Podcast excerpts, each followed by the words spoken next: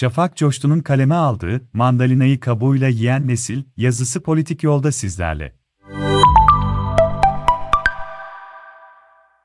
Birçok alan özel uzmanlık ister hukuk, mimarlık, doktorluk. Ama nedense eğitim bir uzmanlık istemiyor. Eğitimi konuşup büyük laflar etmek için fizyoloji profesörü de olabilirsiniz. İnnusır annede. Özellikle duyduğum çok yaygın birkaç söylem var. Bugün bunları biraz irdelemek istiyorum bir eğitimci olarak. Şimdiki çocuklar bir harika. Çocuğunuza bir psikiyatrist edasıyla koyduğunuz üstün zekalı tanısını sarsmak istemem ama durum pek öyle değil. Şimdiki çocukların ya da alfa kuşağının artık ne diyeceksek bilgiye maruz kalmaları şüphesiz ki önceki nesillere göre daha yoğun. Doğdukları çağdan kaynaklı olarak belki de bizlerin yaşına geldiklerinde bilgileri bizlerden daha fazla olacak. Bunların hepsini kabul ediyorum. Ancak bu duruma bir takım itirazlarım olacak. Şimdiki çocuklar diye tanımladığımız çocukların en büyük eksiklikleri bilgiyi hayata geçirme becerilerinin ve yaratıcılıklarının düşük olması. Belki de bunu tüm dünya ile kıyaslamamak gerekiyor.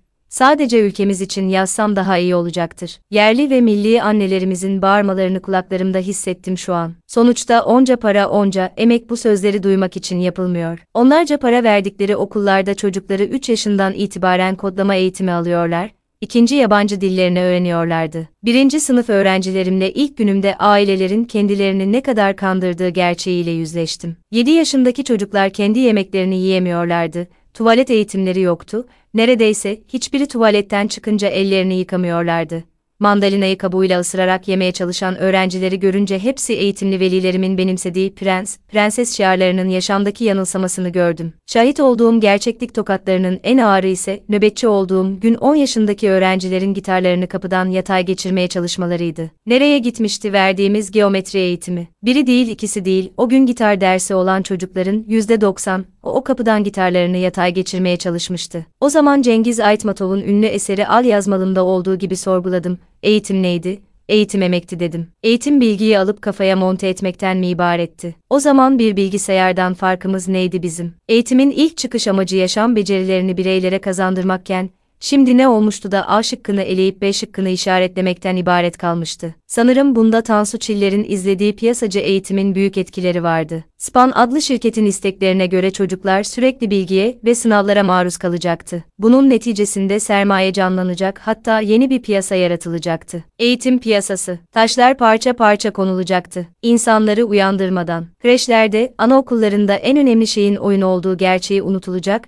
ve çocuklara bahçe yüzü göstermeden bilgi verilecekti. El becerisi, yaratıcılığı daha ilk sıralardan öldürülecekti. Oyuna vaktimiz yoktu çünkü yaşıtlarıyla birlikte dil öğrenmeleri gerekiyordu. Üstelik henüz ana dilini bile usule uygun olarak kullanmadan yapması gerekiyordu bunu. Atık malzemelerle bir oyun tasarlamasına gerek yoktu akıllı tahta ona her imkanı sunacaktı üstelik fiziksel bir katkıda sunmasına gerek yoktu, tek tuşla halledebilirlerdi. Okula başlayınca karakteri bozuldu. Sonra yaygın bir şekilde bu cümleyi duymaya başlayacaktık. Bir dakika eğitimin temel felsefesine aykırı değil mi bu? Eğitimin, toplumsal kuralları, düşünme becerilerini, yaşam becerilerini, ahlaki tutumları vermesi gerekmiyor muydu? Piyasa eğitiminde iş öyle değildi. İyi okullara seçilmesi için çocuğun daha 3 yaşında belirli sınavları geçmesi gerekiyordu. Sonrası için akranlarıyla daha anaokulu döneminde yarışması gerekiyordu. Bu yarış esnasında tabiri caizse kan, gözyaşı, intikam, ihtiras hepsinin olması gerekiyordu. Bir metafor oluşturursak çocuklar üzerinden, kafes dövüşü yapan aileler kaybetmemek için çocukları özel derslere,